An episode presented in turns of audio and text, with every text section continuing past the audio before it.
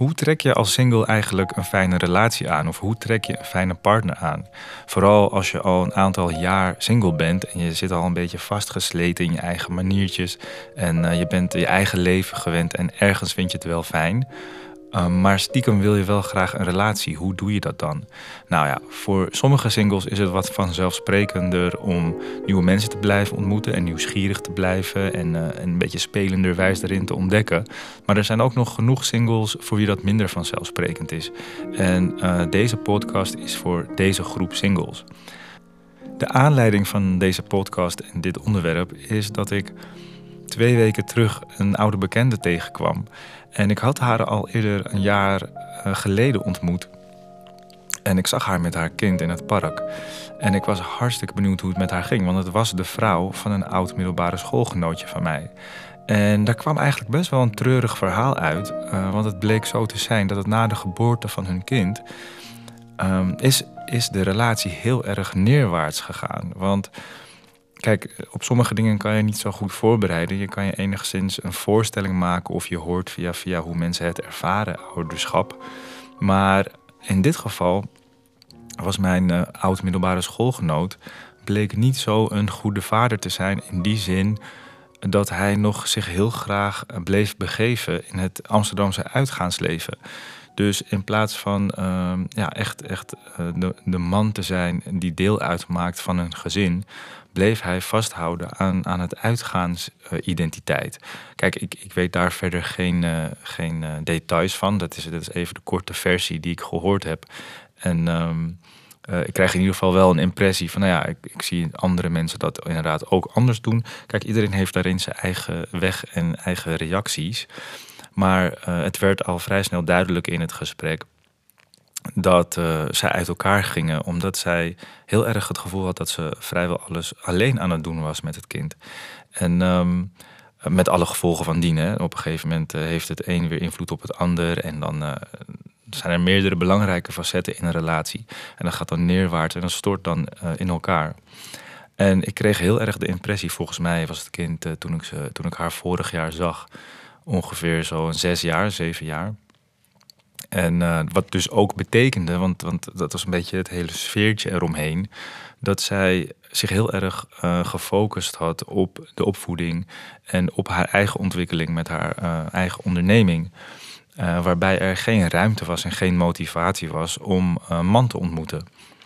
Maar toen ik haar dus twee weken geleden tegenkwam, toen was er ineens plotseling heel spontaan een andere energie. En het is een behoorlijke tijd geleden dat ik haar dan weer tegenkwam. Want we onderhouden geen contact. Eens in de zoveel tijd zie je wat voorbij komen, social media. Maar we hebben nooit echt interactie gehad.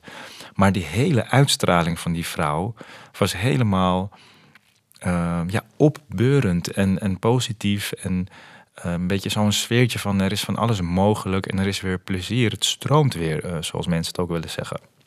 En ik, ik vroeg haar van wauw, hoe gaat het met je? Want je straalt zo. Nou, en wat bleek nou? Die avond uh, voordat wij elkaar tegenkwamen, had ze een hele leuke man ontmoet. En ze wist eigenlijk nog helemaal niks van hem. Ik had ook geen idee waar het verhaal heen ging. Maar het bleek dus dat ze aan het dansen was met een uh, goede vriendin. En daar kwa, kwam zij dus een man tegen met wie ze heel spontaan aan het dansen en aan het kletsen was geweest. En uh, heel uh, snel, een moment tussendoor voor vertrek, hebben ze gelukkig nummers uitgewisseld. En uh, nou, er is verder helemaal niks overhaast geweest. Maar sporadisch kwam daar een berichtje uit en uh, bleef ze nieuwsgierig naar elkaar. En op het moment dat ik haar dus tegenkwam, dat was in de tram. Toen bleek dat ze een afspraakje hadden staan en dat ze elkaar zouden gaan ontmoeten bij de piano van Centraal Station Amsterdam. En ik was helemaal uh, verrast en ik, uh, ik uh, voelde het wel weer, want het is natuurlijk iets wat ik, ja, een onderwerp wat mij heel erg aan het hart gaat, is dat mensen hun weg vinden en gelukkig worden in de liefde. En ik was helemaal enthousiast en blij van het hele verhaal. En ik voelde al dat het, dat het ergens heen kon gaan. Maar ik zei tegen haar, weet je, we hebben niet heel veel contact, maar over een aantal dagen of weken, dan check ik even bij je in om te vragen hoe het gaat. Nou, en ja hoor. Uh, ze hadden een paar hele leuke ontmoetingen gehad en er waren een paar dates geweest een aantal weken later. En uh, de sfeer was gewoon heel goed en het zat allemaal heel goed. Kijk, ik weet daar nu, uh, hoe de status nu op dit moment is, weet ik nog niet. Maar daar gaat het ook niet om. Het gaat er ook niet om dat dat meteen weer de liefde van haar leven is. Of dat ze dan weer misschien wel een nieuwe papa voor een nieuw gezin heeft gevonden. Daar gaat het helemaal niet om. Het gaat erom dat ik eerst iemand trof in het park die een soort van zak en as zat wat de liefde betreft. Hè. Ik, benadruk even wat de liefde betreft, want het was voor de rest gewoon een hele uh, uh, blije en vrolijke, zelfstandige vrouw. En, maar als het om daten ging, dat ik gewoon echt zo'n sfeertje zag van ja, nee, ja, dat is nu geweest, die fase in mijn leven. Of het, ik denk niet dat, het nog, dat er nog wat gaat gebeuren. Maar dan denk ik, goh, je bent nog ineens, je bent nog ineens 40, alles is nog mogelijk. En, en, en een op de andere dag kom ik haar tegen in de tram en hoor ik een, een heel ander verhaal. Een heel, aan, aan een, helemaal aan de andere kant van het spectrum van hoe het met je zou kunnen gaan in relaties. En dit heb ik even bij me gedragen van Goh, weet je, ik ken mensen die uh, misschien zes, zeven, acht jaar lang niks tegenkomen of niks willen tegenkomen. Ik weet niet hoe je dat ook maar zou, zou willen interpreteren. Maar dat er ook gewoon helemaal geen date is, terwijl ik dan wel stiekem, terwijl ik dan wel weet dat ze stiekem graag zouden willen. Of uh, iemand via via die je ken die tien jaar lang niks gedate had en dan nu toch wel op het punt is gekomen dat ze samen is gaan wonen. Nou, hele grote moedige stap. Dan heb je toch ook wel weer hele nieuwe dingen te leren als je al einde 30 uh, nadert. Maar hey, bottom line van, van dit verhaal is. Ja, als jij zelf ook een beetje het gevoel hebt van, nou, het gaat tot in den treuren um, wat betreft resultaten met mensen ontmoeten. Ja, probeer een open mind te hebben en probeer je te begeven in groepen of met activiteiten, bezig te zijn met activiteiten waarin jij een, uh, een, een, wat meer een opbeurende of een vrolijke gemoedstoestand krijgt. En als dat een plek is waarbij mensen elkaar uh, tegenkomen en ontmoeten en treffen, dan kan daar iets uit ontstaan. Kijk, als je alleen maar met je dagelijkse leven aan de gang gaat en uh, dag in dag uit aan het werk bent en dan aan het einde van de dag moe bent en dan uh, de dag afsluit met bankhangen voor de tv, ja, daar gaat er ook gewoon niet zoveel meer gebeuren. En dat is, niet, dat is ook niet erg uh, dat dat dan zo gebeurt of dat je dat zo doet tussen aanhalingstekens. Maar je moet je er wel bewust van zijn wat jouw aandeel daarin is. En uh, ja, maar Tristan, ik heb geen vrienden meer. Of ik uh, die uitgaan. Of ik, uh, ik vind het allemaal wel prima zo. Ja, dan moet je ook wel echt, echt accepteren dat er waarschijnlijk niks meer gaat gebeuren. Als dat de manier is waarop jij je leven wil leiden. En um, in deze podcast wil ik je ook wat persoonlijke verhaaltjes vertellen over hoe ik ervoor zorgde dat ik niet zou vervallen in mijn carrière of in werk of uh, mijn leventje met mijn vrienden en, heel erg comfortabel alleen willen zijn. Maar dat ik me ook nog toe bleef zetten om mensen te blijven ontmoeten. Nou, hoe, hoe deed ik dat? en hoe deden anderen dat ook in mijn omgeving? Ja, dat begint heel erg met een flinke stuk nieuwsgierigheid. Dus uh, ik kon dan wel een beetje vastroesten. Vooral als het heel goed ging met werk en dat slokte heel veel van mijn tijd op dan kon ik me daar echt helemaal op storten. Een soort van mezelf erin verliezen. En als dat dan een aantal maanden zo uh, had aangehouden, dan merkte ik ook aan mezelf dat ik dat misschien wel gebruikte als smoes om maar lekker veilig alleen te blijven. Nou, op een gegeven moment, je hebt toch behoeftes, hè? Je, je, een bepaalde interactie of flirten, het gevoel dat je er best mag zijn. Eh, en misschien heb je ook nog andere behoeftes natuurlijk. Uh, en dat, dat heb ik dan als leidend uh, ingezet om in, ja, tot actie te komen. En um, wat daarin een rode draad is geweest, is altijd de nieuwsgierigheid naar de medemens. En ik heb altijd geprobeerd om mezelf niet uh, een, een vast omlijnd beeld creëren over wat, waarvan ik vond dat een, wat een relatie moest zijn of wat een partner moest zijn. En dat gaf mij heel veel uh, bewegingsvrijheid en ook een soort van speelruimte om in ieder geval een aantal maanden aan te kijken hoe zo'n persoon in mijn leven uh, zou bevallen.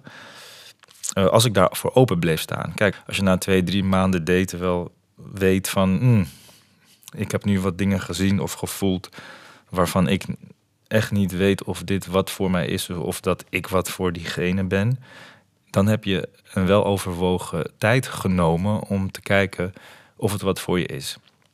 Maar kijk, ik had er niet een handje van om na één of twee weken al te zeggen: Nou ja, uh, doei, ik uh, vond het weer leuk geweest. Tenzij er misschien in, het, in een wat verder verleden een intentie was om alleen maar een beetje buiten te spelen, om het zo maar te zeggen. En dan zijn er singles waarbij ik heb gezien dat zij zich ervan bewust waren dat ze zichzelf tegenhouden in de liefde. Uh, vaak door dingen die uh, met voorgaande relaties gebeurd zijn, of misschien wel dingen die in de jeugd gebeurd zijn. En daar dragen ze een bepaald gewicht bij zich, een bepaalde ballast, om het zo maar te zeggen, waardoor ze zich minder vrij voelen om goed te binden. En, en daar komt dan ook deels de bindingsangst vandaan. En die zijn dan zo daarop gefocust om dat bij zichzelf te fixen. Dat ze een heel traject ingaan of een heel, ja, een heel ontwikkelingspad in zijn gegaan. Om zichzelf uh, beter te maken en te helen van die grote zware dingen die er gebeurd zijn. En op een gegeven moment bereiken ze daar een bepaald niveau mee. Hè? Als je zou kunnen spreken in termen van frequenties. Ze hebben dan een hogere frequentie bereikt. Er is minder uh, het, het, depressieve of het gevoelige of wat ze ook tegen tegenhield om een uh, relatie aan te gaan. En zij zijn dan helemaal vrij van die zwaarte.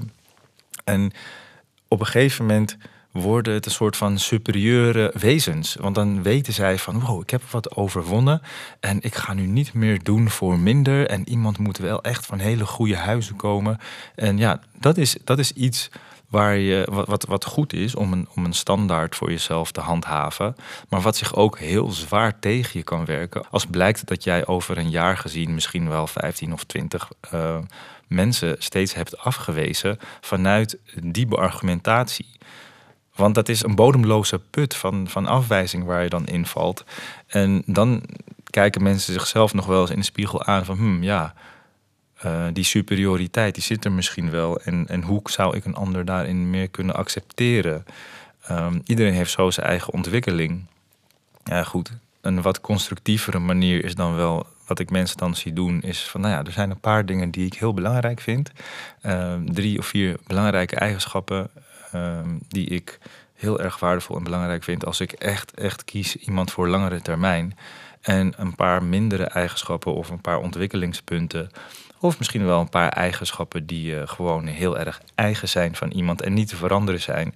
Daar kan ik dan mee leven. Dus, dus dat wil ik je graag meegeven. En niet een te vast omlijnde manier. En uh, een wat minder, uh, ja, het is een beetje een ongewone manier. Wat ik ook wel eens deed uh, in een periode dat ik, dat ik merkte dat ik te lang alleen was. Dus dat ik echt behoefte begon te krijgen aan uh, gezelschap. Of uh, dat ik het echt wel fijn zou vinden om weer een keer in slaap te vallen naast iemand. Of wakker te worden naast iemand. Of gewoon een, een leven op te bouwen met iemand. Was dat ik in mijn appartement in Amsterdam wel eens letterlijk ruimte maakte. Dus wat ik dan deed als ik dan op de bank ging zitten, dat ik dan niet de hele, de hele bank innam. Dat ik niet uh, als een of andere luilak uh, helemaal mezelf over de bank drapeerde. Maar dat ik gewoon een deel daarvan innam. Dat er, dat er fictief gezien nog iemand zou zijn. Dan kon ik ook een beetje wennen aan het idee. En hetzelfde met in bed liggen. Dat ik dan niet als een uh, zeester um, met gespreide benen en armen in het midden ging liggen. Maar dat ik echt een kant koos. En... Um, bijvoorbeeld ook, uh, nou, het ging dan niet zo ver dat ik dan ook voor twee ging koken. Maar ik, ja, ik hield er wel rekening mee. Dus soms bleef er dan behoorlijk wat over. En uh, later op de avond ging dat sowieso op. Maar dan kon ik in ieder geval mezelf een beetje wennen aan dat idee. Want als ik dat niet deed, dan merkte ik dat ik echt heel erg gewend en heel erg gesteld raakte op dat leventje.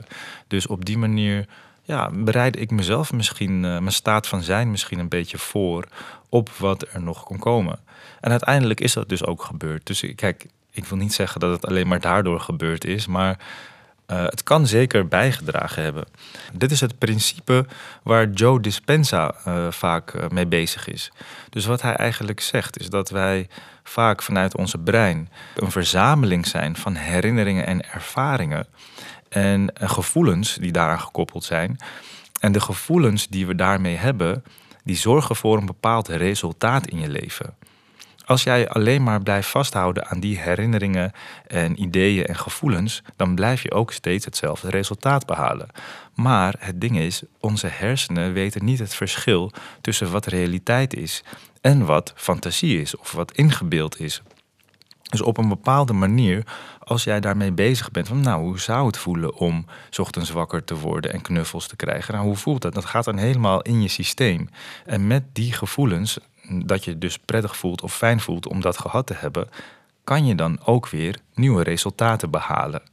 En weet je, ik, ik kan je niet vertellen hoeveel procent uh, van mijn succes, om het zo maar te zeggen, uh, afhankelijk is geweest van die Joe Dispenza-achtige methodes.